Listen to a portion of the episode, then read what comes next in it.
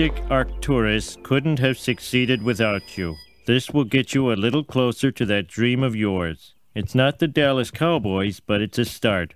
Drop me a line if you're on the East Coast. Hank Scorpio. Oh, the Denver Broncos! I think owning the Denver Broncos is pretty good. Yeah, yeah. Well, explain to me why it isn't. you just don't understand football, Marge.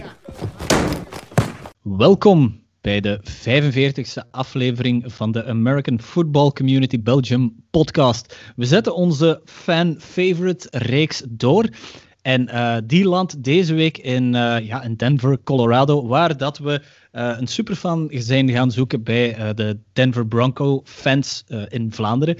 En zoals het toeval het een klein beetje wil, een, denk een anderhalve maand geleden, hebben we die superfan ook al eens in onze podcast gehad. En dat is, dat is Chris de Bie. Goedenavond, Chris. Goedenavond, Rijn. Tweede keer in de podcast, dat begint toch al een, een klein beetje een, een, een een habitué te worden, hè? Een, een veelgevraagde special guest. Laten we hopen dat ze mijn stem nog niet beu zijn na deze aflevering. En dan zien we wel. Oké. Okay. Uh, eh, Dirk, die is er ook weer bij. Uh, goedenavond, Dirk. Goedenavond. De draft, uh, daar ben jij mee bezig. Hè? Die komt toch ook een klein beetje... Die komt toch ook dichterbij, hè? Ja, het is, we zijn vandaag, als we dit opnemen, woensdag. Ik denk dat het nog 14 dagen is, als het, deze podcast op donderdag uitkomt, dat de draft de eerste ronde tenminste begint. Mm -hmm. De nacht van donderdag op vrijdag. Okay. dus ja, vrijdag verlof nemen, dat, dat, moet nog, nog gebeuren, denk ik, want dat is uiteraard weer om twee uur s'nachts of drie uur s'nachts. misschien ook al een nieuwtje. sinds deze week is bekend dat de draft ook uitgezonden wordt op Eleven Sports uh, live. En ik denk dat dat met Jurgen en Frans zal zijn ook. Ah, oké. En hoe ver sta jij ondertussen nog met je mockdraft? Ja, die mockdraft die is eigenlijk af, maar er komen af en toe nieuwtjes binnen en dan moet je die weer aanpassen. En als er één speler opschuift, schuiven ze allemaal op. Ik ben ondertussen ook nog bezig met een, en ik ben daar ongeveer halverwege in, om van een 40 à 50-tal spelers een player profile te schrijven. Mm -hmm. um, dat kan je misschien doorverkopen aan Eleven Sports voor de uitzending van de draft. Uh, ja, wie weet. van, uh, van nieuwtjes gesproken. Hè. We gaan het zo dadelijk hebben over die Denver Broncos dan. En dan laten we uh, Chris zeer uitgebreid aan het woord, uiteraard. Maar ehm, we gaan eerst naar die nieuwtjes dan, die Dirk al vermeldde. Van ja, als er een speler getraind wordt naar een bepaalde ploeg die een nood had in de draft, die verdwijnt dan misschien. En eentje daarvan is Jadavian Clowney, die naar de Browns trekt voor één jaar. Uh, eh, 10 miljoen dollar. En ja, zij zaten in nood voor een edge rusher. En hebben ze die daar in uh, Jadavian Clowney gevonden, Dirk? Hopelijk voor hen wel. Maar heel veel zal, zal afhangen of die 10 miljoen, uh, want het is 10 miljoen één jaar, of dat hij zich gaat opbrengen. En dat zal van zijn gezondheid afhangen, want ja. dat is een beetje het, het issue met Clowney, talent genoeg, maar kan hij ook gezond blijven? Indien ja, mm-hmm. ja dan moeten de Browns die op, op 26 pikken, uh, niet meer op zoek naar een edge player. Ze kunnen het nog altijd wel doen, het is een van hun noden. En ik had er, er ook eentje staan, dus nu begin ik te twijfelen wat ik eigenlijk moet gaan doen. Als mm-hmm. Clowney gezond is, hebben ze er eigenlijk geen van doen, want natuurlijk aan de andere kant staat die andere first overall pick eigenlijk ongezien. Twee first overall picks aan beide kanten van, als edge rusher. Uh, Miles Garrett. Dus in feite heb je alleen een backup nodig. En een backup die ga je niet zoeken in de eerste ronde. Ja. Um, maar misschien heb je wel een hele goede backup nodig voor Clowney natuurlijk, uh, als die weer uitvalt. Ja, ja. Uh, Chris, ik denk dat jij evenveel seks had als Jadavian Clowney vorig seizoen. Klopt dat? Geen commentaar. Oké, okay, uh, ja, beste luisteraar, Judevian Clowney die had vorig jaar wel geteld. Nul seks. Dus wees blij. Jij hebt evenveel seks als Judevian Clowney die in de NFL speelt. Hij verdient natuurlijk wel 10 miljoen volgend jaar bij de, um, bij de Cleveland Browns. En uh, ja, die versterken zich. En ja, wie weet, uh, ze waren vorig jaar toch al een, uh, een, een, ja, een playoff contender, zal ik maar zeggen. En nu, ja, oké. Okay. We zullen zien hoe dat deze trade zich vertaalt naar volgend seizoen. Maar het ziet er in ieder geval toch al rooskleurig ja. uit voor die Browns, vind ik dan. Hè. Klopt dat? Misschien, ja, nog één ding, ja, inderdaad. Ik, ik, ik was aan het kijken van welk, welk, welke niet moet ik dan nog gaan vullen bij de Browns. Er zijn er bijna geen meer. Edge was een van de weinige dingen dat ze echt nog um, een, een topper zochten.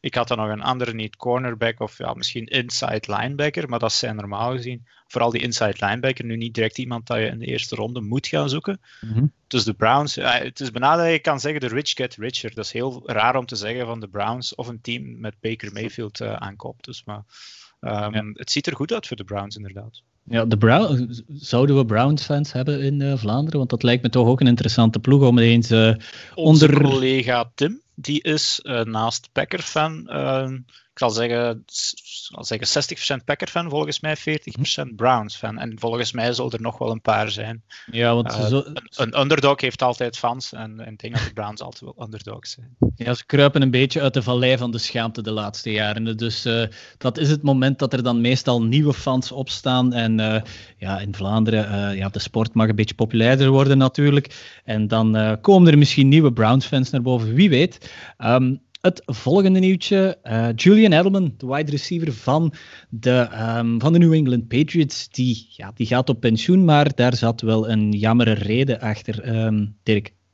Um, ja, eigenlijk, het leek eerst dat uh, de Patriots uh, Edelman lieten gaan of cutten door omwille van een failed physical. Mm -hmm. maar dat werd dan vrij snel rechtgezet dat het eigenlijk in het kader van een dat is eigenlijk raar voor een, um, om, om van een 34-jarige man dat te zeggen, maar in het kader van een pensionering uh, is het dus, werd het gezegd dat hij dus gekut werd. Ja. Maar dus hij, ja, hij, zijn lichaam kon eigenlijk niet meer mee en dat kon je vorig jaar eigenlijk al zien. Ik was daarmee vies gescharreld in, mijn, uh, in onze Dynasty League, want ik had hem opgepikt. Um, en hij heeft wel geteld zes wedstrijden gespeeld en ik geloof geen enkele touchdown gescoord. Dus het nee, leek vorig klopt. jaar wel het jaar te veel te zijn ja. voor Edelman. Oké, okay, ja, zijn statistieken zijn niet slecht uiteraard. Hè. 137 games, 620 receptions, 6822 yards en 36 touchdowns. En dan komt natuurlijk de discussie naar boven: is hij een Hall of Famer? Uh, Chris, is Julian Edelman voor jou een Hall of Famer? Ook, het is geen Denver Bronco, maar het is toch wel een besproken figuur, zal ik zeggen. Want ja, de catch bijvoorbeeld met hoofdletters, uh, dat moet jij zeker ook gezien hebben. Absoluut. Uh, ik heb die mens altijd geweldig graag zien spelen. Ik ken te weinig van zijn stats om hem nu echt uh, Hall of Fame worthy te vinden. Maar ik moet zeggen dat het toch wel samen met Amendola altijd geweldig fijne receivers waren om bezig te zien. Ja, klopt. Uh, Amendola, waar zit hij nu? Zit hij bij de Lions? Ja, die vegeteert inderdaad bij de Lions. er is toevallig nog één die ik in dat fantasy team heb. Dus, uh... Aha. Uh, voor jou, Dirk, Julian Edelman, Hall of Famer, yes or no? Ja, het is een moeilijke vraag. Um, ik had die gelanceerd op onze pagina. Dus met zo die, die emojis van, ja, vind je Julian Edelman een Hall of Famer? Ja, nee of misschien.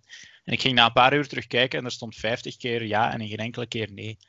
Um. Totdat Jurgen Nijs daarop dook, met toch een beetje nuance uit de statistieken, dat hij eigenlijk, als je naar de cijfers kijkt, helemaal not worthy of een Hall of Famer is. En daar moet ik hem een beetje mee.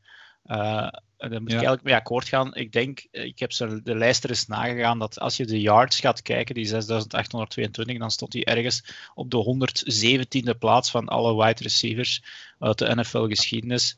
Um, dus hij heeft, het, heeft het, het, spel ook niet gedomineerd. Dus op dat vlak denk ik niet dat hij een Hall of Famer is. Moest er nu een postseason Hall of Fame um, trofee zijn of een jasje zijn, dan hoort hij er zeker wel thuis. Want hij schitterde altijd in de postseason met Tom Brady van 2009 tot 2000, 2019. Uh, heel veel catches gehad in de postseason en Super Bowls. En inderdaad, ja, die, de catch is wel een. Uh, als er een play Hall of Fame worthy is, dan zal het die wel zijn. Maar de speler ja. Edelman zelf, denk ik, ondanks het feit dat hij een, een Super Bowl MVP-trofee heeft, uh, zal het heel moeilijk krijgen volgens mij om in de Hall of Fame te geraken. Als je vergelijkt met vergelijkbare spelers. Ja, onze, onze Instagram-volgers die zeiden 71% ja, Hall of Famer, 29% nee. Dus ja. ik denk dat het een klein beetje emotioneel ligt bij uh, sommige Patriots-fans. Want ja, die zijn natuurlijk de uh, meeste in getalen, ook in Vlaanderen, denk ik. Um, dus dat zijn misschien inderdaad wel uh, ja. stats die een klein beetje een verkeerd beeld geven van inderdaad de um, Hall of Fame. Het is een mooi verhaal van een speler die eigenlijk van een kleine college kwam, Kent State. Het is eigenlijk geen huishoudnaam in college, zelfs daar QB was. En dan in de zevende ronde gedraft werd. Uh, een beetje vergelijkbaar met Tom Brady in de zesde ronde. Uh, om zich dan eigenlijk via een special teams player, ik denk dat hij zelfs een beetje defensive back gespeeld heeft, uiteindelijk op te werken tot, uh, tot, een, tot ja, een van de betere slot receivers wel van de league. En volgens mij ook gewoon een sympathieke kerel, als je hem op de mm -hmm. socials volgt. Uh, dus ja, ja het is iemand waar je heel veel sympathie voor hebt. En misschien daarom dat hij wel veel stemmen van de fans krijgt, maar of dat hij dan ook in Canton gaat geraken, dat blijft de vraag. Ja, eerder zo'n een figuur die, uh, hoe heet die trofee nu weer al? Um, de, de, de Man of the Year Award. De, goh, ja, de er, komt, er komt nog iets voor. Kent, uh, ja. Walter Payton Man of the Year Award. Ja, misschien ja. die wel, maar dit is echt voor grote weggelegd. Ja, ja, ja, oké. Okay. Um, het laatste nieuwtje voordat we aan de, de Denver Broncos beginnen is onze eigenste Thibaut Debailly. Die zit in de draft van de CFL. Uh, Dirk. Ja, de Canadian Football League. Uh, onbekend, onbemind. Mm. Uh, dat verschijnt hier eigenlijk vrij weinig in de media of op onze Facebookpagina, moeten we eigenlijk ook wel toegeven. Ja. Uh, er zijn zowel een aantal teams, uh, de, de, de Stampeders en dergelijke, dat zijn een paar die ik mij kan herinneren, met een beetje andere regels, waarbij dat er al, um, ja, al, al rushers mogen vertrekken nog voordat de snap gegaan is en dergelijke. Dus een leuke league. En Thibaut um, zit in, de, in een soort international draft. Alle details ken ik niet, maar dat internationale spelers die worden eigenlijk een beetje apart in die league gedraft.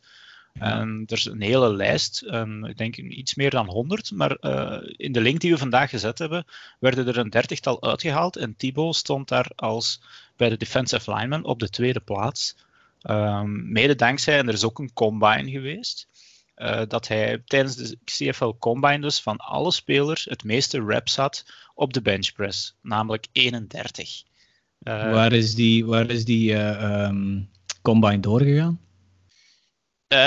Is die virtueel doorgegaan of niet? Ja. Dat, dat, moet ik nog even, dat, dat, dat, durf ik eigenlijk niet dadelijk zeggen. Ik heb wel die beelden gezien van Thibaut mm -hmm. die daar aan het benchpressen was.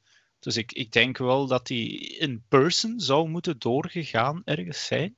Maar het was ja. meer wel vrij indrukwekkend. Ik wist niet dat, dat Thibaut... Eh, ik wist dat hij eraan ging meedoen. Um, maar het valt nu nog te bekijken. Ik denk dat nu donderdag die draft is, dus morgen. Om te kijken of dat hij ook effectief gedraft wordt bij zo'n team. En dan, ja, dan heeft hij natuurlijk een verlengd bedrijf in Noord, uh, verblijf in Noord-Amerika. Ja, dus, ja, ja. Thumbs up. Thibaut, ja. Thibaut, als je dit hoort, uh, laat ons iets weten. Hè. We zijn wel eens benieuwd hoe dat jij naar die Canadian Football League kijkt. En uh, ja, hoe dat die draft, uh, die draft, hoe dat die combine is doorgaan. En hoe dat jij naar die draft kijkt. Chris, als ik aan jou vraag, noem één Canadian Football League team. Kom jij daar dan? Tim gaat dat, ja. Chris gaat dat weten. De Argonauts, maar van welke... dat is Toronto, denk ik. ik denk Toronto, dat ja. Is, ja. Ah, wel, ja, ik, ja. Ik, moet, ik, moet, eerlijk zeggen, ik, ik, ik kende niks van de CFL totdat ik de uh, Football Live aflevering op Game Pass van Doug Flutie had gezien. Ja. Die heeft heel carrière, uh, hoe heet het, de, de, de Super Bowl, de Grey Cup in, uh, ja, in de CFL. De Grey Cup, ja. Die heeft hij een aantal keer gewonnen. ja, en ik ben ook eigenlijk in, in, in de zomer wel eens bij de CFL beland als, uh, als de pre-season dan nog niet begonnen is in de, in de NFL. Ja, het is mm -hmm. three-down voetbal, maar voor de rest zijn dat best wel uh, te genieten wedstrijden, moet ik zeggen. Ja, ja, ja, oké. Okay. Heel offensief. Ik ja, denk ook dus, uh, Ik weet dat de, de goalposts die staan anders, die staan aan het begin van, mm -hmm. van de endzone. die three downs, dat is anders, inderdaad. Dat die, die gunners die langs beide kanten al mogen vertrekken, dat geeft heel offensief voetbal. Um, nou, misschien ook nog even terugkomen op die benchpress, want ik zeg nu wel 31 reps alsof dat dan niks is. Um, dus, dus 31 keer dat hij uh, een, een gewicht van 225 pond heeft kunnen naar boven brengen, dat is ongeveer 102 kilogram. Ah, ik weet niet wat dat jullie, jullie capaciteiten huh. zijn, maar mij kan je na een halve rep uh, onder die, onder die, die, die bar gaan die vinden. Bar. en als je dat dus 31 kan, en zijn profile was dus ja, meeste reps van, van iedereen en beweegt uh, goed voor zijn lichaam. Dus ja, voor een, een defensive end is dat eigenlijk wel vrij line. belangrijk. Ja. Uh, dus ja, ik, ik, wie weet heeft hij wel een kans. Ja, Kijk eens aan. Het, een leuk detail ook op de, de, de site van de Towson Tigers, waar dat uh, Thibaut heeft gespeeld. Uh, onder high school staat er de Ostend Pirates. het is dus iets anders dan een Sint-Jan Bergmans College natuurlijk. Uh, Piratenschool. Ja, ja, ja. ja, ja, ja, absoluut. Alright, uh, oh, Thibaut, dus als je dit hoort, uh, laat ons zeker iets weten. Uh, zij het in de comments, zij het met een DM. We hebben je graag nog eens in de podcast, zeker um, om te vertellen over die draft, over de CFL en eventueel ook nog eens enkele verhalen over je matches, over je games bij de Towson Tigers. Goed, uh, dan kunnen we verder gaan en dan uh, beginnen we aan de podcast waar dat de podcast deze week eigenlijk voor dient, is um, de pieren uit de neus van een superfan vragen. En dat is dus Chris deze week over de Denver Broncos. Um, je bent al in de podcast geweest, dus het verhaal achter jouw voetbalverleden, um, dus hoe dat je bij de voetbal bent terechtgeraakt, dat kennen we normaal. Uh, dat kennen de trouwe luisteraars ook, maar dan slaan we gewoon direct de weg in van de vragen. Wat is jouw hoogtepunt eigenlijk als Bronco-fan, Chris? Ja, in, in het algemeen beschouwd uiteraard Super Bowl 50. Dat is ook de enige die ik van nummer ken, want voor de rest ken ik al die Super Bowls totaal niet van nummer. Ja. Kom niet in de uh, buurt van Jurgen. nog een specifiek moment in wilt, de strip sack van uh, Von Miller op, uh, op Cam Newton. Uh, waarbij dat die, een, uh, die uh, strip sack dan nog eens een keer wordt gereturned voor een touchdown. Voilà. dat is een heel jaar geleden is dat al. Dat is vijf jaar geleden ondertussen. Ja, inderdaad. Ja. Ja. Nee, ja, waarom dat we bij de Broncos vandaag terechtgekomen zijn, misschien een kort, kort, kort sprongetje. Ehm, de Broncos zijn volgens mij het team dat nu in, de, in de draft moet gaan kijken wat, of dat zij een sprong kunnen wagen. En daarom is Chris hier vandaag, vandaag de gast uh, als introductie dan. Um, als we een beetje verder dan in de geschiedenis gaan.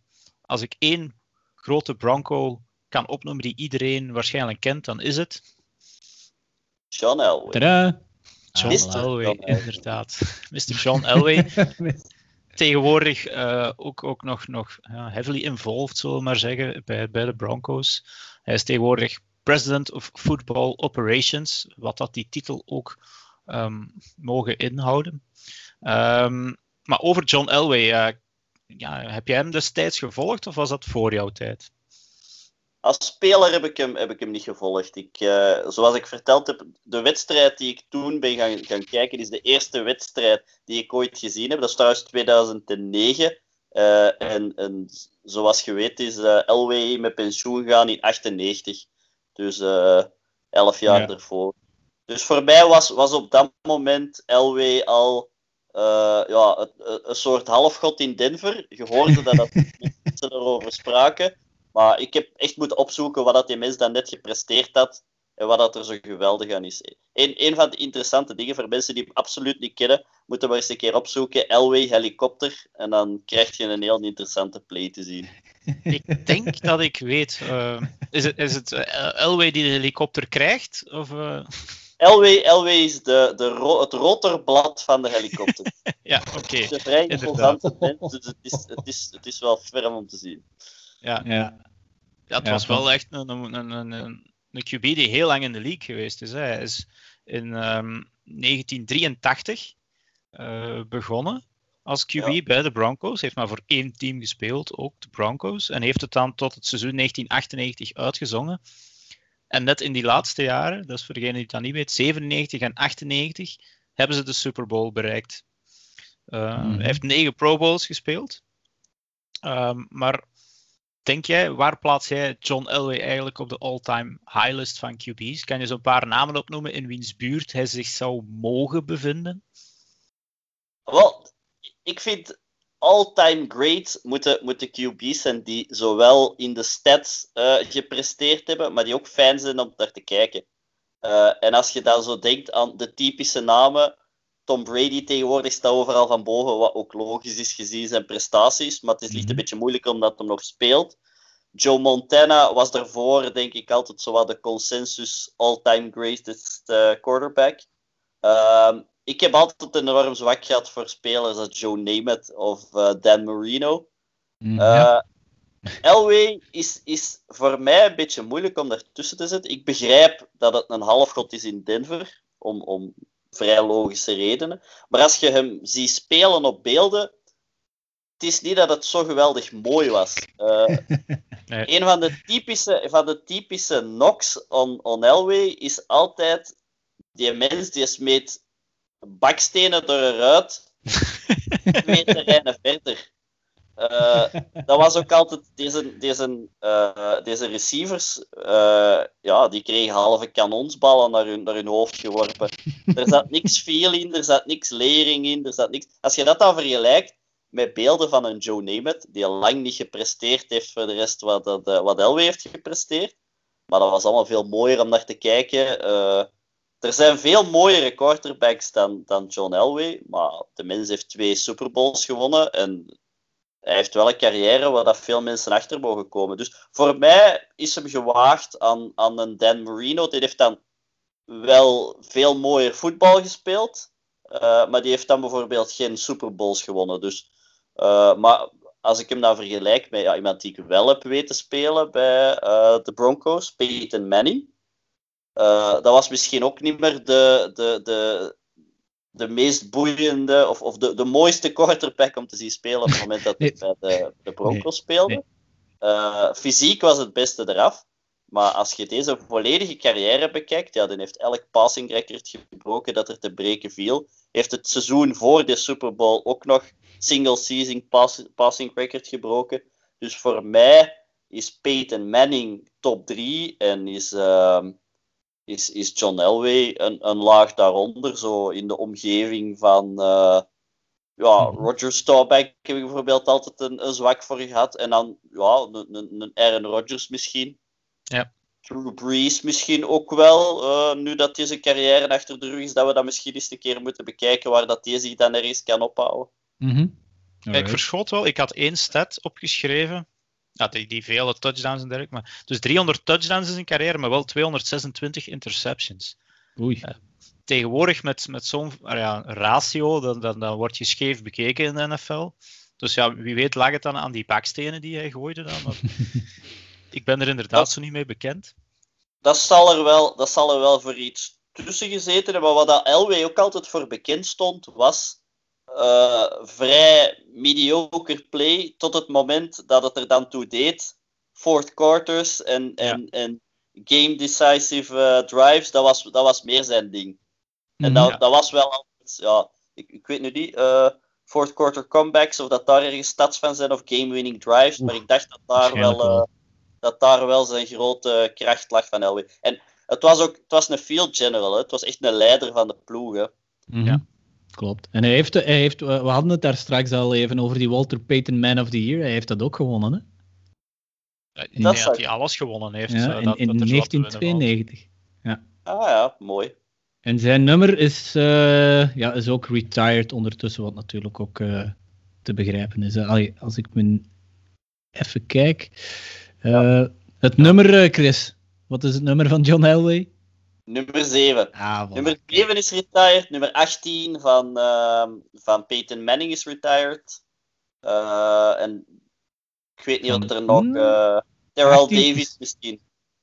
Nee, zien, jullie van... Manning, zien jullie Manning eigenlijk dan echt ook als een, als een Bronco? Jullie, dan bedoel ik de fans natuurlijk. Sorry? Zien jullie Peyton Manning dan ook echt als een, uh, als een Bronco? In plaats van ja. een, een soort ja, Colt in een op een paard, zal ik maar zeggen dan? Of... Ja, dat is van voordat ik eigenlijk American voetbal volgde. Dus dat kan ik Nee, absoluut. Ja. Elke foto dat ik zie van, uh, van Manning met een Colts helm op, die wordt weggeklikt. Dat, uh, dat hoort. nee, nee, nee. Maar nummer 18 is trouwens niet retired van, van, um, van Manning, hè? van een zekere Frank Tripuca. Of Tripuca. Ah, my bad. Ja, ik had gezien dat die hangt in het stadion. Nummer 30 trouwens niet, want... Uh, uh, um, zeg het eens, uh, Philip Lindsay heeft de nummer 30 van Terrell Davies nog overgenomen. Ah, Hij heeft hem vriendelijk opgebeld om te vragen of hij zijn rugnummer mocht gebruiken. Daar heeft J.J. Watt waarschijnlijk wat inspiratie van gehaald, qua, qua nummers. Ehm, ik denk, als we het over Elway hebben als, als, okay, als quarterback, maar, maar nu zit hij ook in die, die organisatie van de Broncos. En, en beschouw jij hem als een asset of een liability? Want het lijkt alsof hij een klein beetje zo ja, aan de kant geschoven is, nee? Uh, ja, als je natuurlijk kijkt, je hebt uh, de, de, de, de, laatste Super Bowl winst uh, met Peyton Manning. Die is er gekomen omdat Elway het, het, het, het schip heeft bijgestuurd na het verlies tegen de Ravens, als ik me niet vergis. Oh, dus... dat is een euro de pot. Ja, sorry. Maar dat klopt, het was tegen de Ravens. Ja.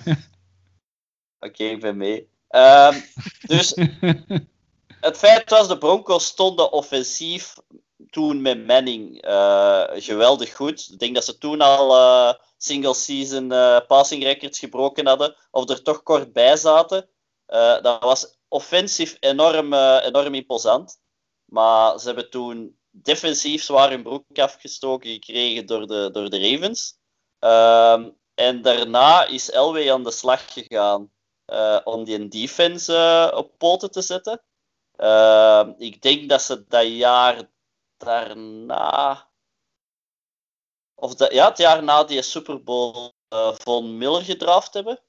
Nee, dat kan niet, want die is, die is heel hoog gedraft. In elk geval, Elway is erin geslaagd om die defense terug, terug op poten te krijgen. En, en, en twee jaar later hebben ze hem dan wel gewonnen, de Super Bowl. Dus op dat vlak is die ja. mens altijd gerespecteerd geweest. Vooral ook om, om, omdat hem erin geslaagd is om Peyton Manning naar, uh, naar Denver te krijgen. Uh, maar als je dan kijkt wat er daarna gebeurd is met de quarterback-positie, je kunt ja. geen general manager hebben die zelf quarterback is geweest. En uh, er zijn namen, ja, wat ik mij als fan voor schaam om die moeten te vermelden, dat die quarterbacks zijn geweest bij de Denver Broncos. Uh, ik, ik, ken er een paar zelfs niet. Want ik, ik, ik, ver, ik, vergeet elke keer zijn naam. Ik heb de wedstrijd ook een, geweigerd om te zien. Maar Kendall Hinton, zegt u misschien nog iets? Ja. Ah ja, dit seizoen, hè, de meest spectaculaire quote-unquote wedstrijden van, uh, ja. van de Broncos. Dus op een bepaald moment waren alle vier de quarterbacks uh, op het wedstrijdblad van de Broncos ehm, ja, in aanraking gekomen met of een hoog risicocontact uh, gehad, uh, COVID gewijs. Uh, en dan hebben ze dus een wide receiver van de Wake Forest. wat is Demon Deacons? Demon Deacons. Demon Deacons, ja. Alsjeblieft. Um, ja. Die ooit quarterback gespeeld heeft, die hebben ze dan, die hebben ze ja. dan maar even op het plein gezet na een paar dagen voorbereiding. En ik denk dat die mens ene completion heeft gegooid naar Noah Fant. Ene completion, dat klopt. meter hoog gooien en dan heeft Noah Phantom nog. Dus ik weet niet of dat een prestatie is. nee. maar in die seizoen, ik zal nu zeggen, de tussenjaren tussen Peter Manning en, en Drew Lock was het, zijn er ook wel heel wat namen gepasseerd. Het, op die, nog maar drie jaar uh, is Mark Sanchez zelfs even een Bronco ja. geweest. Kijk Brock Osweiler, dat was misschien nog een iets bekendere naam. Ja, um, dat is eigenlijk Brock Osweiler is binnen Denver eigenlijk absoluut niet de flop die hem voor de rest van uh, de mensen in Houston, de Texans-fans, die zullen daar uh, een andere mening over hebben. Maar eigenlijk, uh, het laatste jaar van Peyton Manning ging het fysiek al een pak minder. En Osweiler heeft toen een aantal wedstrijden gespeeld op momenten dat Manning geblesseerd was. En hij heeft daar een geweldig goede record gedraaid. En op basis daarvan ik, vier of een vijftal wedstrijden, heeft hij dan een contract van 74 miljoen gekregen bij de Houston Texans. En ja, dan hadden ze ineens wel door van, oei, we hebben hier uh, een basketter binnengehaald die eigenlijk niet geweldig kan uh, een spelen, laat staan als uh, quarterback. En dan hebben ze die nog even teruggehaald als, als backup, maar dat, dat, verhaal heeft niet lang geduurd. Nee. Case Keenum is ook nog gepasseerd, zie ik. Klopt. het, het, waren er wel een paar, denk ik. Ja, een beetje op de het lijkt een beetje op de Browns carousel, uh, zo qua quarterbacks. Hè. Ja, op een bepaald moment uh, komen de, de, Browns uit het slop. En dan hebben, moet ik zeggen, ja, tot mijn grote spijt, dat uh, de Denver Broncos een beetje de titel hebben overgeërfd van The Place Where Quarterback Careers Go to Die. Nee, maar we zullen dan misschien in één keer de sprong maken naar niet het voorbije seizoen, maar het seizoen daarvoor. Um, de Broncos hebben in de tweede ronde toen uh, de Missouri quarterback Drew Lock gedraft. Ze hebben hem uh, niet dadelijk laten starten. ik denk dat toen Joe Flacco nog, nog QB was. Chris, je mag mij verbeteren als ik fout ben. Um, klopt, klopt, klopt. Ja. Oké, goed. Uh, maar dan, dus op het einde van het seizoen, heeft dan uh, Drew Lockett even overgenomen. Vijf wedstrijden. Gaan ze 4 en 1. En in dat tussenseizoen, uh, ja, de defense die staat inderdaad al op zijn poten terug. achterleider Von Muller. Um, dan draften ze in de eerste ronde Jerry Judy, de super getalenteerd wide receiver uit Alabama. En in de tweede ronde ook nog eens KJ Hamler, een super speedster. En ik kan me herinneren, we, we hebben af en toe contact, dat jij in dat tussenseizoen eigenlijk super enthousiast was over de toekomst van de Broncos. En dat wordt ook zo in het algemeen een beetje bekeken. En ik dacht vorig jaar eigenlijk ook dat de Broncos een iets meer zelfs dan sneaky uh, playoff team gingen zijn. Um, wat is er niet van gekomen eigenlijk? Dus uh, was het relaas van, van het seizoen 2020 eigenlijk? Uh, wel, eigenlijk, ze hebben, ze hebben het seizoen ervoor niet laten starten. Uh, ik denk voor een groot stuk omdat hij mentaal niet klaar voor was. Maar ook hij is, uh, op het einde van de pre-season geblesseerd geraakt. Dus hij is eigenlijk pas speelklaar geraakt op het moment dat het seizoen eigenlijk al, al voorbij was. Uh, en hij heeft dan inderdaad vijf heel goede wedstrijden gespeeld. dus er is niks zo fijn als fan om beelden te zien van Drew Lock in Missouri of tijdens die vijf, vijf wedstrijden. uh, dan vervolgens uh, het seizoen 2020. Ja, um, Drew Lock heeft een geweldig, een geweldig goede arm. Die uh, kan echt throws maken over het volledige veld. gooit ook vrij goed off-platform, wat, wat, wat heel fijn is om, om te zien in de NFL van vandaag. Uh, we hebben inderdaad al dat offensief geweld. We hebben goede receivers. We hebben dan uh, goede tight ends uh, met, met, met, een Noah Fant. Uh, maar dan laat True Lock het afweten in die zin. Het, het, het, is altijd, uiteindelijk, de quarterback is altijd de schuldige van alles wat misgaat. er zaten veel hmm. blessures tussen. Dus ehm, Sutton, die dan, Cortland Sutton, die ja. geblesseerd is vanaf het begin van het seizoen. Uh, hoe het dan eigenlijk de, de, de grootste zorgen uh, qua blessures lagen op vlak van een defense. Uh, ja. Maar Drew Lock, ik, ik denk eerder dat Pat Shermer, dus de offensive coordinator van de Denver Broncos, ook een beetje te verliefd is geworden op die sterke arm van Drew Lock. En als je kijkt naar de, de, de pogingen om elke keer diep te gaan, ik denk dat Drew Lock op een bepaald moment de quarterback was in de, in de NFL met de meeste attempts boven uh, eh, 20 yards. Ja. Ja, ja. dan vraag je te veel van zo'n, eh, van zo'n jongen. Vooral ook omdat het, het, het is een beetje de gunslinger en de risktaker.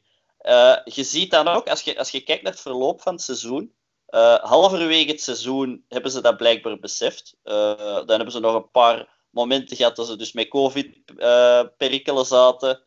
Uh, alle quarterbacks hebben uiteindelijk eens gespeeld. Maar het moment dat Drew Lock dan terugkomt tegen de, de, de laatste vijf, zes wedstrijden, ik weet nu niet van buiten, uh, laten ze die meer quick-out, meer uh, underneath, meer uh, bubble screens, meer screen passes. En dan zie je dat die jongen echt wel kan spelen. Hè? Er zit echt wel potentieel in. Ja, alright. De, de, de topjaren van de Broncos, ja, die waren eigenlijk dan niet met een jonkie als een Drew Lock, maar met een uh, bewezen veteraan als Peyton Manning. Moeten zij die, terug die route opgaan? Ene veteraan uit de league om de Broncos dan weer voor een paar jaar aan succes te hebben? Of heb jij dat vertrouwen in Drew Lock toch? Wel, ik denk vooral dat je vandaag moet kijken uh, naar ploegen die succesvol zijn, zoals de, de, de Chiefs uiteraard, Kansas City Chiefs. Uh, die hebben pas het moment dat uh, Mahomes gepresteerd heeft, die jongen betaald. En die hebben eerst geprofiteerd van die jongen zijn, zijn, zijn rookie-contract. Drew Lock is een geweldig goede quarterback voor het moment. dat is een second round pick. Die jongen kost 4 miljoen of zoiets. Ja, uh, naar quarterback-normen spotgoedkoop. Dat wil zeggen dat je de rest van je ploeg ook sterker kunt maken. Mm Dus je, je, doet er op zich niet slecht aan om, om het nog even uit te zingen en het talent dat erin zit, even te hopen dat het eruit komt. Als je kijkt naar een Josh Allen, uh, daar, mm -hmm. daar, daar zag ook niemand iets zien hè, na zijn ja, eerste ja. twee. Van, van baksteenworpers gesproken eigenlijk. Die... Voilà. ja, nee, maar dit, dit, dat Ja, weten ja, misschien niet veel mensen, maar toen als hij uit college kwam, die werd eigenlijk puur gedraft op zijn mogelijke capaciteiten en, en zoals dat zijn lichaam eigenlijk had. Die komt trouwens van niet zo heel ver uit de buurt van Colorado. Of die, die is naar Wyoming geweest uh, als college. Ja, die had gewoon een kanon van een arm waarbij dat die mensen eigenlijk pijn deed met, met de ballen naar hen te gooien. Maar die kwamen Hm. zelden goed aan. En voor mij is het een verrassing wat er van gekomen is uiteindelijk, maar je ziet het inderdaad maar.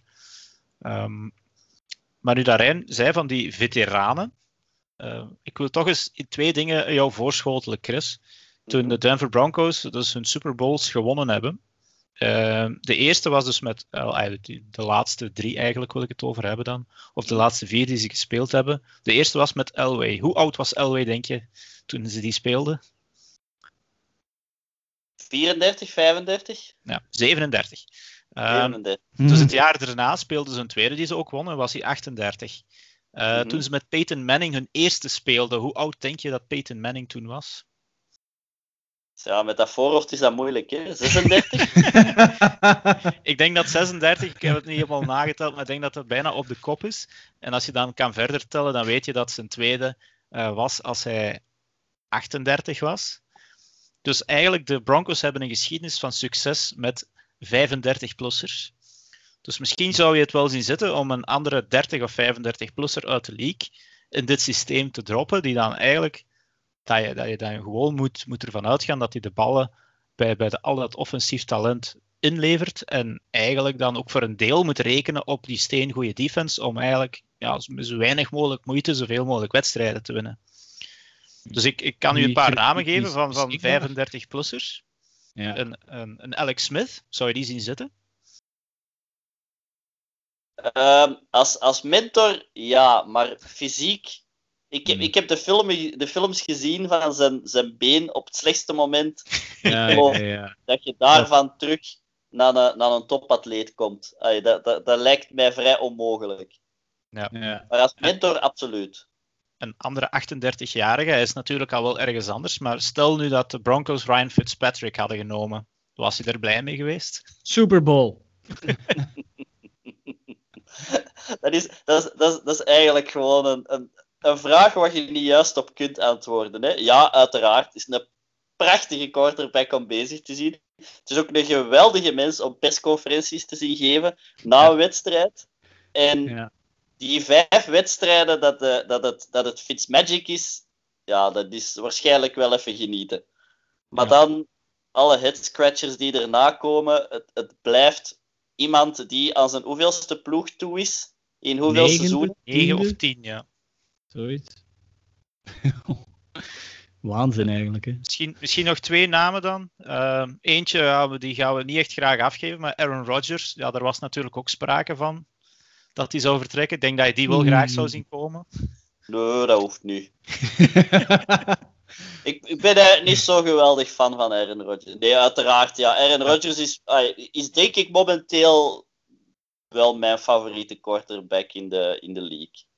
En dan had misschien nog Dat één echt realistische naam geven, misschien binnen een paar jaar. Ryan Tannehill is nu 32. Uh, t- misschien is dat wel echt iemand waarbij je op, op kan, kan vertrouwen eigenlijk. Want een Matt Ryan wil ik jullie niet, niet van de hand doen, die, die kan ook niet dadelijk weg. Maar ehm, nee, dus een veteraan. Ik weet niet, als je het niet ziet zitten, ja, dan, dan moet je het nog wel met Drew Lock doen natuurlijk. Of, en dat is dan de tweede optie, voor een, voor een rookie gaan in de draft. Ja. Chris, wat, wat zeggen die, die eh, geruchten over Teddy Bridgewater? eh, Teddy Bridgewater, Amai, het moest er even uit. Wat zeggen die geruchten jou? eh, jagen die jou toch een klein beetje eh, schrik aan, zal ik zeggen? Of, of, of zeg je van, nou, laat, maar, laat maar komen? Ja, op een heel ander niveau dan Alex Smith zijn er natuurlijk ook eh, bezorgdheden over Bridgewater zijn fysieke toestand. Ja, Eh, als je die, denk, de afgelopen seizoen heeft hij met een brace gespeeld, denk ik. Uh, Zo, ja, het is, hij heeft ook een knieprobleem uh, gehad, inderdaad. Ja, dus het zou wel eens, probleem, Ah ja. probleem, ja. Oei. Dus ja, de- ook, ook eh, lang spraken of, of, of lang gedacht dat die mens nooit eh, nog een wedstrijd ging spelen. Eh, hij is daar wel mooi teruggekomen. Eh, waar zit hij nu? De Saints? Bridgewater, nee, nee, die komt van de Saints, die zit bij de, Panthers. bij de Panthers. En daar, Panthers, hebben, ze ja, net, dus daar hebben ze net Sam Darnold binnengehaald. En dus eigenlijk zit Bridgewater een beetje op de schop. En ja, ik wil jou daar geen schrik aanjagen, maar de, de ploeg waar hij het meeste wordt, wordt aangelinkt zijn eigenlijk de Denver Broncos. Ja, ik, ik kan er ergens in komen, om, omdat de Denver Broncos hebben nu de, de, de negende pick eh, in de draft. Ja. Als je kijkt naar de, de quarterbacks die beschikbaar zijn, de negende is zojuist hoog genoeg om eh, volledig achter het net te vissen. Mhm. Eh, ik weet niet of ze bereid zijn om, om heel veel picks af te staan om omhoog te treden. Dus, dus ergens zie ik er wel logica in om te zeggen: oké, we gaan ons niet laten vangen om achter die, die vier of vijf goede quarterbacks te gaan. Eh, we pakken een zekerheid met Teddy Bridgewater als, als super backup. Ik denk als, als super pro. eh, als, als, als iemand die misschien ook Drew Lock naar dat volgende niveau kan tillen. Dus op dat vlak zie ik daar absoluut wel, wel waarde in. Plus, ik heb eh, Bridgewater heel graag zien spelen in zijn periode bij de, bij de Vikings voor zijn blessure. Dus ik denk zeker, ja, als die mens fysiek in orde is, eh, waarom niet? Ik zie er wel de voordelen van in. Ja, of ik ja. het er nu warm van krijg als fan, dat is een ander. ja, Je speelt ook met twee handschoenen trouwens. echt, eh, geen idee. Eh, en ja, nog één naam dan, dat we dan toch zo'n rondje QB eh, aan het doen zijn. Ja, het werd natuurlijk heel fel eh, gehyped, maar het is natuurlijk sinds een iets meer dan handvol eh, problemen met masseuses, eh Deshaun Watson. Eh, mag die verhuizen Problemen. naar Colorado? problemen tussen haakjes. Ik denk dat hij zelf vooral een Ja. groot probleem heeft, maar Ja, het is natuurlijk een, een, een beetje gek ja, dat, dat dat die ondertussen de laatste naam is die je vermeldt, ja, door, door alle perikelen er rond. Want als we eerlijk zijn, eh, daarvoor eh, werd die mens in ene adem vernoemd met, eh, met Patrick Mahomes. Hè. Dus, dus het is wel heel jammer Ja. dat zo'n groot talent nu ineens eh, een running joke is geworden en, en, en dat er eigenlijk niet meer over gesproken wordt over ploegen die daarin geïnteresseerd zouden zijn. Ik zou het enorm ja- jammer vinden, los van alles wat er achter de schermen gebeurt, daar, daar doe ik geen uitspraken over. Maar ik zou het heel jammer vinden als zo'n speler volgend jaar niet in het NFL speelt. Daar heb je gelijk. En ja, we houden er zelf ook nog een beetje onze mond over, omdat we goed, niet goed weten in welke kant dat dit eigenlijk juist gaat, gaat, gaat uitdraaien. We laten daar eh, de, de, ja, het gerecht en dergelijke maar zijn werk doen en wie weet wat komt eruit. Dus ja, dat- even de- ik denk dat het Watson al te veel is uitgekomen. eh, ja, dan, goed. dan heb ik het zelfs nog niet over, over heel de juridische kant van de zaak, maar gewoon eh, heel de ruzie binnen de Texans. Ja, ook. Eh, het ja. feit dat hij daar niet meer wou spelen. Het is natuurlijk niet zo tof als uw franchise quarterback ineens niks meer met je organisatie te maken wilt hebben. Ja. En nu ook andersom Dat het waarschijnlijk. Seahawks nooit zo ver komt. Nee, nou, misschien even naar de, de coaching side gaan kijken, want eh, sinds, sinds 2019 is Vic Fangio bij jullie de head coach, een defensive coach. Ehm, ja, dat, dat blijkt ook wel een beetje uit zijn, uit zijn manier van, van, van spelen en draften en dergelijke. Eh, dus dat is sinds 2019. Hij zit zeker nog niet op de hot seat, denk ik. Maar stel dat er nu nog eens een tegenvallend seizoen eh, komt, gaan ze hem dan de rekening voorschotelen, denk je? Daar ben ik vrij zeker van. Ja. Als, je kijkt, als je kijkt naar een organisatie die John Fox heeft buitengegooid, ehm, het jaar van de single season passing record. Dus eh, het jaar voor de Super Bowl eh, is John Fox nog buitengegooid, want Gary Kubiak is maar eh, enkel tijdens het seizoen van de Super Bowl eh, binnengehaald. Eh, ja, dan denk ik dat als, als, als er nu niet wordt gepresteerd, ja, dan gaat het hetzelfde krijgen als Vance Joseph. Een naam die waarschijnlijk niemand zich nog herinnert, buiten de fans van de Denver Broncos zelf. Ja, dan gaat, dan, gaat, dan gaat er nu hetzelfde gebeuren met Fangio, absoluut. Ja, dus make or break eigenlijk dit seizoen. ja, het is, het is gewoon het, het potentieel waarmaken. Meer niet. Oké, kijken we een beetje naar de, de toekomst of hetgeen aan net gebeurd is dan. Free agency is net achter de rug, toch de eerste grote wave, zal ik maar zeggen, de grote namen. En ik, uh, ik had het dan voor de Broncos even opgezocht en zij kregen de Great Excellent met zeer slimme moves dat zij gedaan hebben. Dus ja, kijk, uh, even erop ingaan. Zij, ze hebben twee cornerbacks uh, binnengehaald. Ronald Darby en Kyle Fuller. Eentje voor drie seizoenen, eentje voor 1 miljoen. Uh, voor, voor één seizoen, ja, zonder dan nog echt de bank te breken, zoals dat ze zeggen. Mm -hmm. ja, dan ook nog een, nog, nog, een, nog een strong safety in Kareem Jackson. En dan Justin Simmons, de safety, hebben ze eigenlijk kunnen houden door de franchise tag te geven. En ik kan jij mij aanvullen, hebben ze die dan ondertussen een contract gegeven?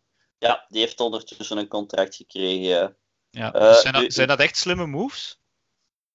Uh, wel, uh, je, je, hoort het natuurlijk van, uh, van een fan. Justin Simmons heeft vorig jaar 61 miljoen dollar contract. Ja, wel, dat is misschien wel de bank. hmm. Justin Simmons wordt, wordt league-wide wel redelijk beschouwd als, als een van de beste, of misschien zelfs de beste free safety. Um, en als je dat dan combineert met uh, Kareem Jackson, dan heb je safety, een ja. hele, hele sterke safety tandem. En als je daarvoor uh, een paar, uh, paar goede cover corners kunt hebben, ja, um, ik weet niet of dat je de nickname kent van, van de, de coverage bij de Broncos in, ten tijde van de Super Bowl, de no-fly zone. Ja. Met Chris Harris en Keep the Leap. Ja, ik, ik, denk met die, met die twee safeties en dan een paar goede corners ervoor, liefst nog een derde erbij, dan uh, kun je misschien wel beginnen denken aan een, aan een no-fly zone 2.0. Ja, 2.0 inderdaad. Uh, misschien dan even naar de draft kijken, hè, want welke posities, ze zitten op 9 dus.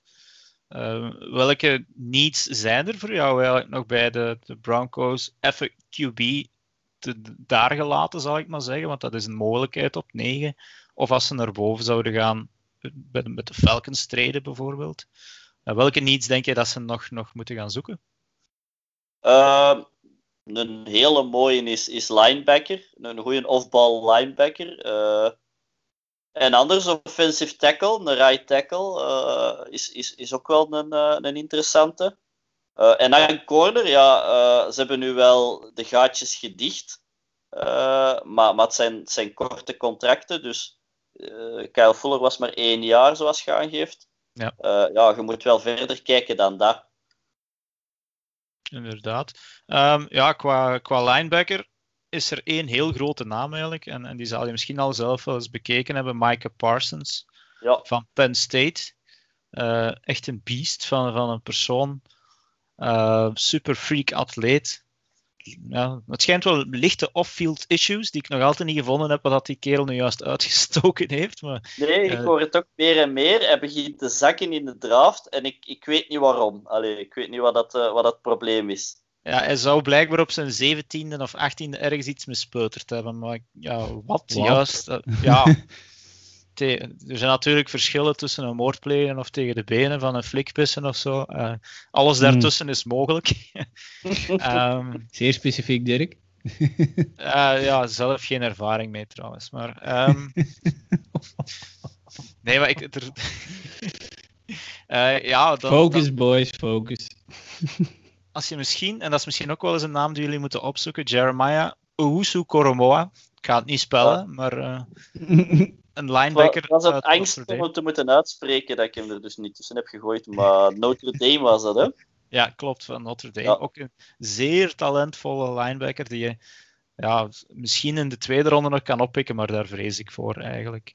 Um, maar ik heb al heel een tijd in mijn mock draft Micah Parsons uh, naar de Broncos laten gaan. Dus ja, tenzij dat ze die sprong gaan wagen. Als jullie voor tackle willen gaan, dan kan je daar misschien nog Rashawn Slater uit Northwestern oppikken.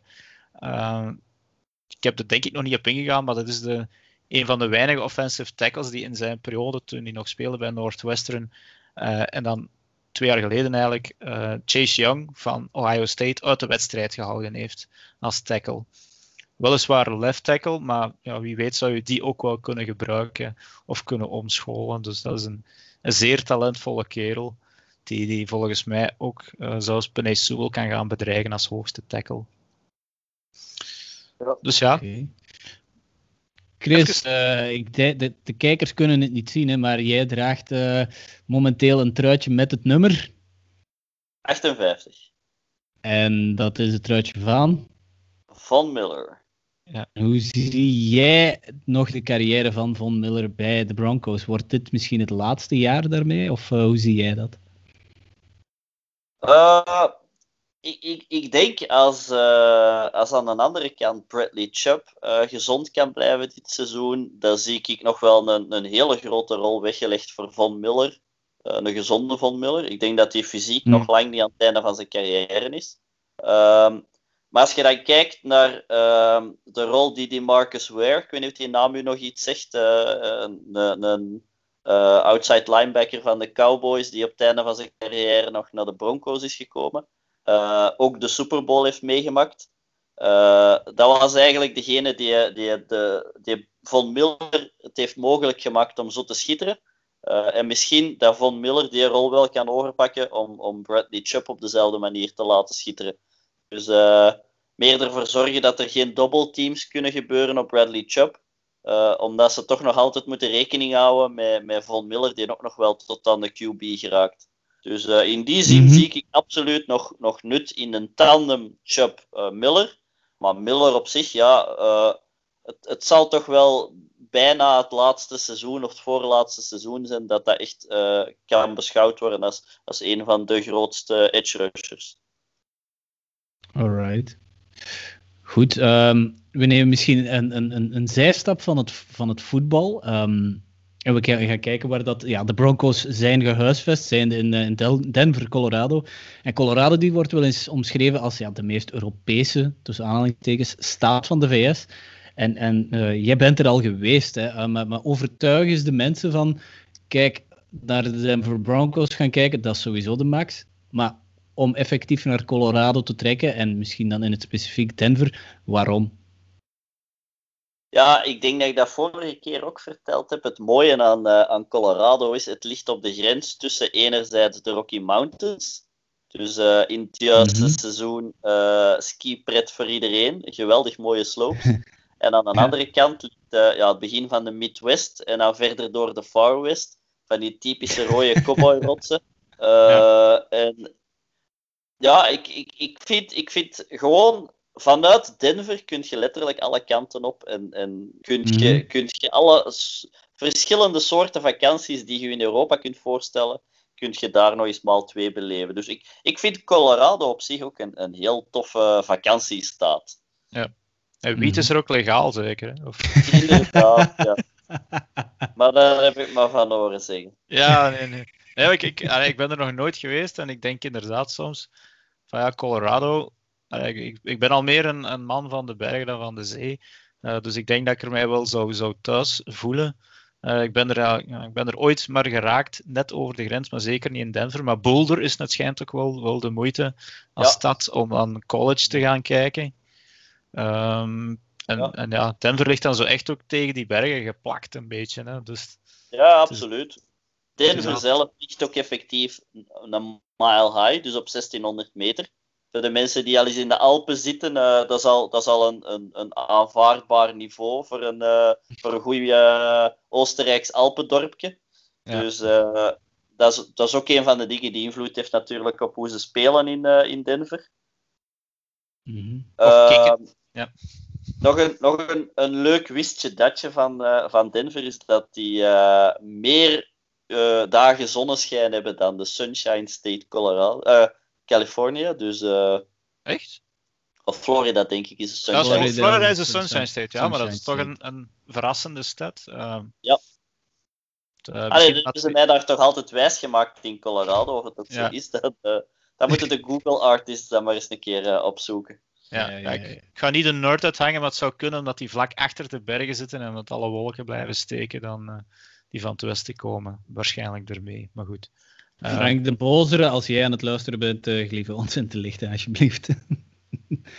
Goed, ik denk dat we hier een klein beetje aan het, uh, aan het einde van het, uh, van het Denver Bronco stukje gekomen zijn. En dan gaan we verder en kijken we verder naar die, die draft die binnen twee weken gebeurt. Um, Dirk, jij, um, jij bent al bezig samen met Alexander aan je draft. En we, we overlopen even um, twee posities, vijf skill players elk. En bij welk team dat, uh, dat jij ze ziet. Uh, sommige zijn gemakkelijk, sommige zijn net ietsje moeilijker. Um, dus bijvoorbeeld bij de, uh, de top 5 QB's. Ja. Bij, top, bij, bij, de eerste, bij Trevor Lawrence, daar moeten we geen vijf seconden aan verspillen, denk ik. ja, misschien net iets meer. bij welk ja. team zie je die? Ja, bij de Jaguars natuurlijk. Hè. Of tenzij dat Urban Meyer terug een nieuwe hartaanval krijgt uh, en de klok dan maar uitloopt uh, op draft night. Ik wens het hem donker. niet toe. ja, oké. Okay. donker. Coronatijden. Uh, nee, het is, het is, het grootste talent dat dat al de laatste tien jaar, denk ik zelfs, of twintig misschien zelfs, uit college gekomen is.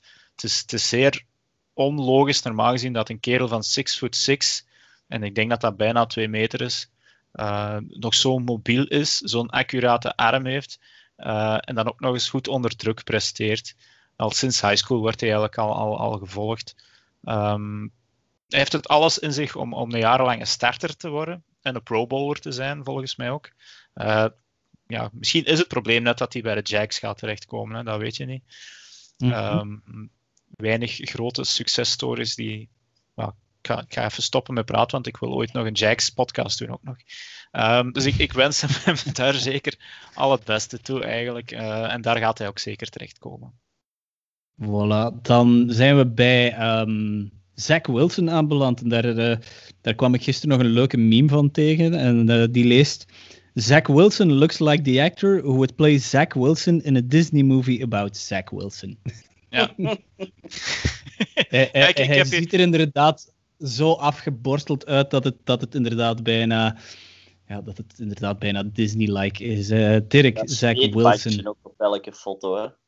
Ja, hij ziet er inderdaad afgeborsteld uit. jongen met een zweetbandje van Penn State. maar hij speelt voor BYU.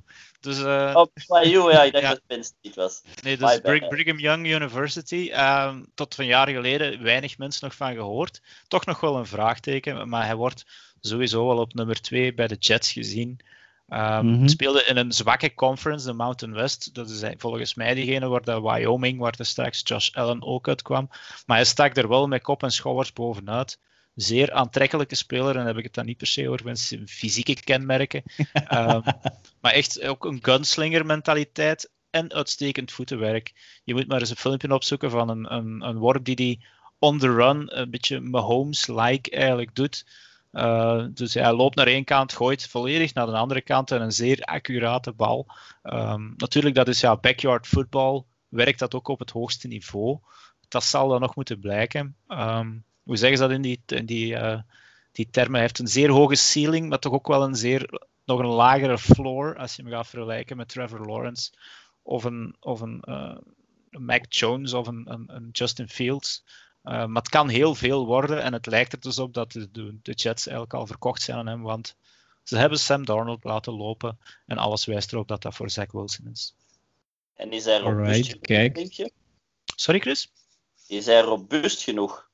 Hij Is is hij 6 niet foot 3, uh, uh, sorry, 6 foot 2 en 214 pond.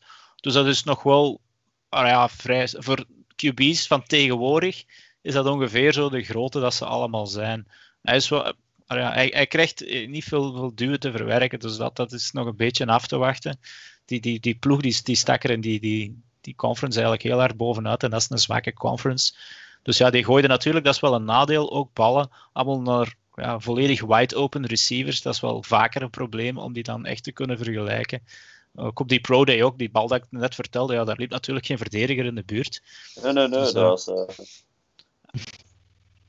Oké, okay, dan uh, zijn we aanbeland bij het Ohio State product uh, Justin Fields. En die Ja. is, had die, als, als er één QB is die, die is gestegen eigenlijk in de, in de achting van de scouts en van de teams, dan is het toch wel Justin Fields, hè, Dirk. Ja, ook zeer. En ja, vandaag, woensdag, heeft hij uh, zijn tweede Pro Day. Waarbij dat de, de coaches van de 49ers die op, op drie pikken of, ook gaan kijken zijn. Dus ze willen hem toch wel eens bekijken. En dan iedereen zegt de laatste weken, en zelfs als je Vegas mag geloven dat het een lock is, sorry Chris, dat Mac Jones op drie komt. Maar volgens mij wordt het Justin Fields die naar de Niners gaat gaan. Uh, er zijn vraagtekens bij, maar hij heeft inderdaad, uh, omdat hij een paar mindere wedstrijden gehad, en ze had maar zes wedstrijden deze seizoen, waarvan twee mindere, maar hij kan met zijn voeten scoren en hij kan ook, hij heeft de beste deep ball van alle, um, van alle prospects. Uh, moet je ook maar eens een paar filmpjes van opzoeken, die gooit van ja, los achter, denk ik, nog de eigen 40-yard line, een bal die bijna in de endzone terechtkomt. Um, ja, en dan mhm. nog eens on the money. Dus ja, het probleem is een beetje, hij heeft de impressie van, van mislukte Ohio State QB's tegen zich. En dat is hetzelfde dat ik mm, straks yeah. Mac Jones kan vertellen. Maar als ik Justin Fields zeg, dan moet je denken aan zijn voorganger, dat was Dwayne Haskins. Um, maar eigenlijk mag je dat natuurlijk niet doen. Uh, maar ja. hij zegt, hij is een dual threat. Uh, niet type Murray of Mahomes, dus niet supersnel, maar gewoon iemand die goed uit de pocket kan spelen, maar als het nodig is, ook wel kan vertrekken. En dan moet ik uh, een soort uh, Prescott of Josh Allen toch eerder um, gaan, ja. gaan, gaan nemen. En ik denk dus de Niners, maar als het dan toch niet moet zijn, dan heb ik op vier de Falcons, die volgens mij wel een opvolger voor, Mac, uh, voor Matt Ryan zoeken. En ik heb hier ook de Broncos opgeschreven. Volgens mij Kijk. zou jullie met uh, Justin Fields echt wel een goede QB hebben.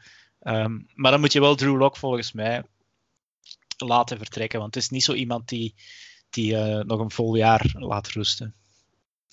Laten we hopen dat de 49ers inderdaad voor Mac Jones gaan. Ja, dat dan daaronder iedereen beseft dat ze nog wel gaten genoeg in hun roster hebben. Dat er niemand omhoog treedt. En dan is er misschien nog een kans dat eigenlijk, ja, ik moet wel zeggen, het zou wel mijn favoriete QB zijn om te landen bij de Broncos. Ja, Van de realistische, uiteraard. Uiteraard dat uh, iedereen liever Trevor Lawrence gezien, maar uh, wat nog iets of wat realistisch is, uh, voor natuurlijk dat iedereen is beginnen speculeren met de 49ers die omhoog getraind zijn, is voor mij Justin Fields wel bij de Broncos. Ja. Kijk, mooi. De volgende uh, quarterback is eentje die, ja, die komt eigenlijk niet uit een van de hoge Division 1 schools. En uh, ja, dat staat toch wel hoog aangeschreven, is Trey Lance. Dirk, naar waar gaat Trey Lance? Um, niet naar de Broncos, denk ik. Uh, Falcons, denk Chris ik. Chris nee. nee ik... de, de Falcons zou een mogelijkheid zijn. Um, met Trey Lance, sorry Chris, ga even iets zeggen, is een soort prospect dat je sowieso wel één of twee jaar moet laten rusten achter een, een, een veteran QB. En dan heb ik maar twee teams, dat is de Falcons eigenlijk met Matt Ryan en de Patriots um, met Cam Newton. En ja, er is gewoon nog werk aan. Die heeft maar 17 wedstrijden gespeeld, 17 gewonnen, dus ja, oké, geen probleem. Ja. Um, ooit gehoord van de Youngstown State Penguins, de Western Illinois Leathernecks, de South Dakota State Jackrabbits, de University of South Dakota Coyotes. Uh, ja, van een aantal wel. Ik heb nog nooit gehoord van de Missouri Valley, de, wat is Division 1 uh, NCAA uh, League. Ja. Anderzijds, uh, wat ik ook niet wist, was dat Carson Wentz ook van North Dakota State kwam. Inderdaad. En ja, Easton Stick, dat is de, de backup tegenwoordig bij de Chargers. Die komt als de voorganger van Trey Lance.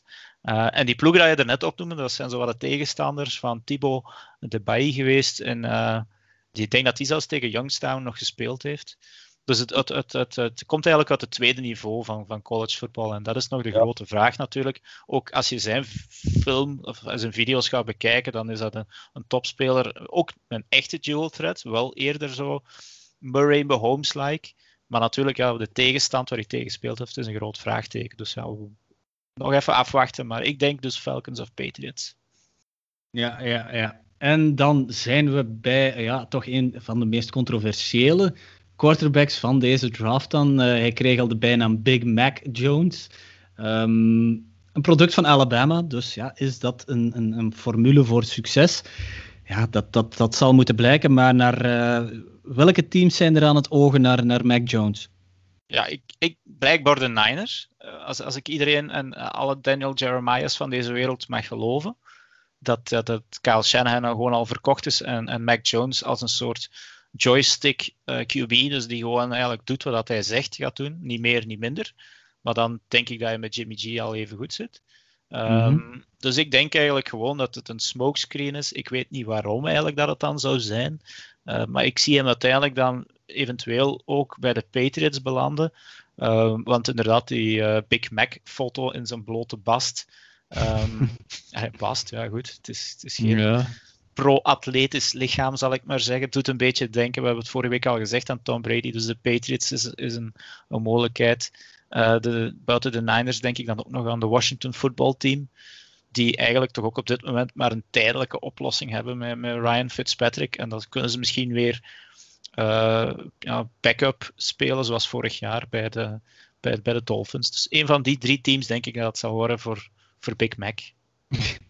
Het, het, het blijft klinken. Het, uh, ja, het, het, blijft hangen, hè, dus daar zal die jongen mee moeten leven de komende jaren met die bijnaam. Uh, dan gaan we naar de wide receivers en daar beginnen we uh, uiteraard met een, ja, het is dit jaar ook weer een, een, een schitterende wide receiver klas, maar degene die er toch bovenuit schiet, dat is toch Jamar Chase, Dirk. Um, ja. Naar waar gaat Jamar Chase? Ja, eerst even zeggen van waar hij komt. Hij komt van LSU. Dus, en hij was eigenlijk, iedereen kent de rookie uh, Justin Jefferson van dit jaar, die, die geschitterd heeft. Hij was eigenlijk de, de eerste receiver en Justin Jefferson was de tweede receiver. Uh, Chase heeft dan dit jaar voor een opt-out gekozen en gaat dus nu naar de NFL. En inderdaad, je moet zijn, ook, ook zijn filmpjes maar eens gaan bekijken. Schitterende allround wide receiver, kan het een beetje allemaal. Um, hij zal volgens mij als eerste van, van het bord gaan, maar dat zal dan volgens mij pas op pick 5 zijn eventueel naar de Dolphins. Maar de Dolphins zouden dan even goed voor Kyle Pitts kunnen kiezen, die, die super tight end eigenlijk van Florida. En dan de volgende ploeg die een wide receiver nodig heeft, die moet hem dan zeker pakken. En dat zijn de Lions die alles en iedereen die een bal kan vangen, uh, hebben laten lopen. En verder zie ik hem niet vallen. Um, dat is ja. dus plek 7.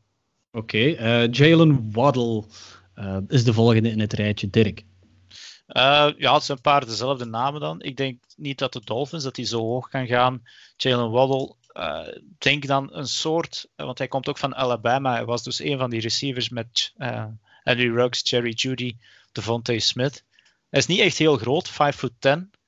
Um, ik denk dat dat ja, niet heel groot is, een meter 78 denk ik ongeveer, maar wel heel snel. Je moet maar eens filmpjes gaan bekijken. Die kan dus, als hij die de bal geeft uit de slot, die kan verdedigers dan gewoon nog, en een quarterbacks zijn meestal ook niet van de traagste, gewoon eraf lopen. Mm -hmm. um, dus, en one-on-one jump balls, die heeft een geweldig goede vertical nog, die kan ze ook wel aan. Um, maar hij is vooral explosief. Mm -hmm. Dus uh, hij, heeft, hij, had vorig jaar denk ik 18 yards per catch. Uh, in de NFL zijn dat ongeziene cijfers, maar in college uh, ook wel een beetje, maar dat geeft maar gewoon aan. Alleen is wat blessuregevoelig, daarom denk ik dat hij ja, op plek 7 begint dat dan bij de Lions. Ik denk op plek 12 de Eagles. En als het zover komt en de Patriots pakken geen wide receiver, kan die ook wel bij hem terechtkomen, denk ik. Ja, ja, en dan gaan we ook terug naar een minder bekendere ploeg, allee, waar dat deze um, prospect toch van komt, de Minnesota Golden Gophers. Ja. Daar vinden we Rashad Bateman. Ja, schitterende naam eigenlijk wel. Hè? Absoluut. Uh, de, de, Golden Gophers. Uh, ja. Waarschijnlijk uh, stonden die ergens van achter in het rijtje om een, een, een mascotte te kiezen. Maar eh, we hebben het dan wat over wide receivers van Alabama, LSU, topploegen. die hebben elk jaar goede wide receivers. Die ploegen zijn ook elk jaar goed. Um, dit is een soort speler van de, van de Golden Gophers. Dat, dat, dat team dat kwam plots naar boven. Dat is normaal zo'n crappy team uit de Big Ten. En dan moet je je gaan afvragen, hoe komt het nu dat die in een keer één jaar goed zijn en bijna aan de playoffs terechtgekomen waren? En dat lag aan twee wide receivers en één daarvan was Rashad Bateman. Uh, die was plots dus heel goed. Uh, is een all-round receiver eigenlijk. Goede route running, goede hands, goed in one-on-one catches, alleen iets minder explosief. Um, dus daarom denk ik dat hij iets verder weg zal vallen. En dan zit ik zo in de, de, de mid-regio te denken. Bears, Ravens. Um, ja, ik, misschien wishful thinking, maar ik, bij de Packers misschien ook. ja. Uh, ja. Dus daar zie ik, zie ik die man eigenlijk terechtkomen. Hij is 6 foot, 190 pounds, dus dat is ook weer ongeveer een goede hoogte voor een receiver. Niet al te groot, maar goede hands. Dus. Alright, en uh, je vermeldde daarnet al uh, de Crimson Tide, Alabama, en daar, daar maakte Devonta Smith vorig jaar het mooie weer. Hè. Um, het, waar, waar zie jij die landen? Uh, op heel veel plaatsen hangt er gewoon vanaf hoe dat de teams zijn iets of wat magerdere statuur aanzien voor 6 foot 170 pounds. Uh, dat is uh, weinig vet aan. Dus hij is super snel wel. Heisman winnaar. Eigenlijk valt niks over te zeggen. Goede snelheid, super versnelling ook. hij speelde onder drie QB's en, en was eigenlijk top bij allemaal. Bijna geen drops. Een paar circus catches, maar ja, goed dat zijn allemaal ook weer tegen die, die mindere verdedigers, niet achter die super O-line en dergelijke. Um, dus ik weet het niet gewoon. Ik denk dat er teams ook op gaan twijfelen. En dan zie ik ze, de Eagles, uh, misschien de Dolphins met een tweede pick, misschien zelfs. Uh, ja, hij zou zelfs nog bij de Patriots ook kunnen terechtkomen. Dus dat zijn de teams waar ik bij de Vontae Smith aan denk. Ja, en dan schakelen we over naar de Purdue Boilermakers. En daar, ja, nog, nog zo'n mooie naam eigenlijk, de Boilermakers. ja, de Boilermakers, die hebben als... Waar als, komt dat? die hebben als, als uh, mascotte een, een soort locomotief, een trein. Uh, Allee. Ja, ja dat, is op zich dat is een kleinere school, maar af en toe levert die wel een goed product. Um, Drew Brees bijvoorbeeld. Ja. Ah, Drew Brees, oké. Okay. Ja, er zijn nog wel eens, af en toe komt er iemand. En dan Rondale Moore. Ja, um, heb ik eigenlijk, en dat is nu echt een speciaal manneke. Die is 5 foot 7 en ik zeg dan manneke, want het is effectief ook zo. 5 foot 7 is echt, dan ben je een dwerg in de NFL. Hè. Meter 75, ja. hè? Ja, zoiets. Nog niet, dat is maar een meter 70 zelfs. Uh, dus die is ja, klein. Wat doet hij hier dan in mijn top 5 van wide receivers? Ja, wat denk je? Die is super snel. Uh. Ik denk dat hij een uh, 40-yard dash van 4,28 of 4,29 liep. Mm. Uh, dat is John, Ross, John Ross-achtige tijd. Um, dus hij is super explosief, super snel. Alleen ja, klein. Um, is, is uiteraard geen one-on-one um, outside target, dus hij gaat geen contested catches tegen de zijlijn doen, want dan ga je als cornerback, ja, die kan je in, je in je binnenzak steken, maar hij is natuurlijk uh, een goede om, om separation te creëren uit de slot. En, en ja, als hij open is en hij heeft de bal in zijn handen, ja, dan is hij weg. En dat is ook weer zo iemand, ja, die, die pak je dan niet meer terug. Denk Tyreek Hill, maar iets ja, kleiner. Uh, en je kan hem misschien ook gebruiken als, als, als screen of uit de backfield, als, als running back. Um, en mij gaat wel volgens mij pas vanaf de twintigste plaats vallen. En dan zeker een ploeg die al een goede wide receiver heeft en gewoon een tweede target. Um, Hallo Packers! Inderdaad, ik heb de Packers als eerste naam opgeschreven. Alhoewel dat het waarschijnlijk weer wishful thinking is om uh, een eerste ja. ronde wide receiver te zien vallen. En daarnaast denk ik eigenlijk ook gewoon aan de Saints die misschien al eens moeten gaan denken als een backup voor, uh, voor Michael Thomas. Um, of de Jacks met een tweede pick, die volgens ja. mij ook nog altijd wel een goede wide receiver kunnen gebruiken. Maar als ik, ja, Rondale Moore zou ik zeker opzoeken. En ik ja. heb nog een zesde naam die ik eigenlijk zeker nog één keer wil vermelden. Dat is Terrace Marshall, de tweede um, wide receiver van LSU. Dat zou een goede zesde zijn. Dus ga die ook maar eens opzoeken. En waar zou die naartoe gaan? Ik, ja, het hangt. Packers. Bijna al die namen dat ik genoemd heb. Het probleem is met, met Terrace Marshall, die wordt zo wat gezien als sommigen zien hem als de derde beste wide receiver. Sommigen zien hem als de zesde, zevende.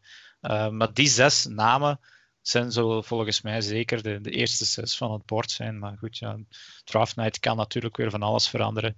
Ik ja. zag vorig jaar een Jalen Rager niet direct naar de Eagles uh, gaan. Ze hebben er zelf nog altijd spijt van. Dus ja, wie ja. weet. Ja, ja. Chris, uh, die namen die jij net hebt gehoord, welke, welke staan daar? Welke zou jij denken van, kom maar naar Denver? Uh, Moet ik het lijstje nog eens opnoemen? Nee, nee e-, eerlijk, gezegd, eerlijk gezegd allemaal. Maar wat ik altijd ja. gek vind, uh, we zitten hier maar over die quarterbacks te spreken. Je zit hier bezig over, over Trevor Lawrence. En dan zit de Heisman-winnaar van dit jaar erbij. En dat is eigenlijk, die wordt altijd zo op het randje van de top 5 vernoemd, de Vontae Smith. Ja. Uh, ik vind als je er beelden van ziet, ja, het is, het is allemaal uh, hoe het gaat bij Alabama. Uh, die, die zijn zo goed in vergelijking met hun competitie, dat ze inderdaad altijd heel spectaculaire catches hebben. maar allebei de Alabama receivers, zowel Jalen Waddle als de Vontae Smith, zijn meer dan welkom bij ons. Maar ik ja. denk niet dat de Broncos uh, de luxe hebben om nu te investeren in uh, wide receivers. Ik denk dat de mannen van vorig jaar het is gaan moeten waarmaken. Ja, ja, oké. Okay. Uh, voilà.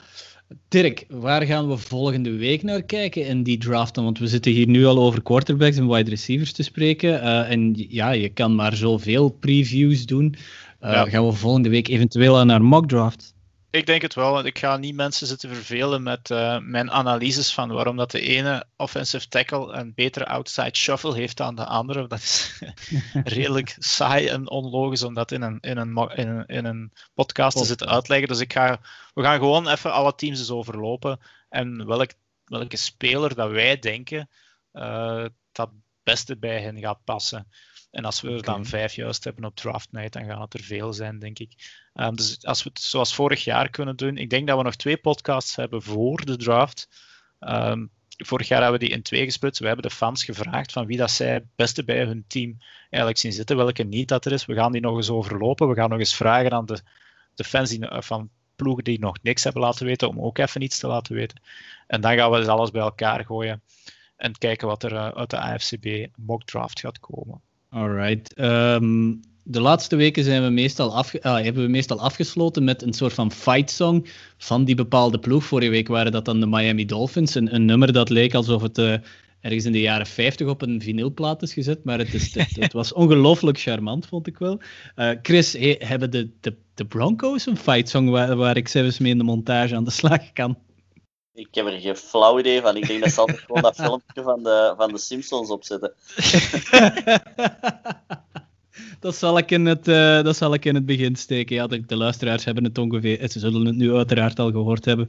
Maar uh, ja, als, als de, de AFCB-redactie, daar wordt, uh, dat wordt meestal wel eens gelinkt aan de Simpsons. Zij het door Dirk, zij het door mij, zij het door Tim. Um, ja, maar Chris, dat is wel een goed idee eigenlijk. In den treuren. Op in den treuren, ja, ja, ja absoluut. Dus nee, Chris, uh, met, met jouw zegen gebruiken we dan dat, uh, dat fragment in het begin van de podcast. Laat u gaan. Absoluut. Chris, uh, super hard bedankt voor, ja, voor, de, voor de uitstekende uiteenzetting van de Broncos. Voor nog eens een paar geschiedenislesjes. En voor een, een mooie blik in de toekomst, hopelijk dan, van jouw Broncos. Met plezier. Ja, right. nog, misschien nog één vraagje, Chris. Hoeveel gaan jullie worden in de AFC West? Tweede. Ah, oké. Okay, ja. Dat is volgens mij het meest optimistische antwoord dat je kan geven. Zeer mooi. Met optimisme kunnen we eruit gaan. Oké, okay, Dirk, ook uh, jij bedankt deze week. En we kijken alvast uit naar, uh, naar die mock draft van volgende week van jou en van Alexander waarschijnlijk ook. Hè? Ja. Alright, goed. Dan rest mij alleen maar deze 45e aflevering van de AFCB-podcast af te sluiten. En tot volgende week.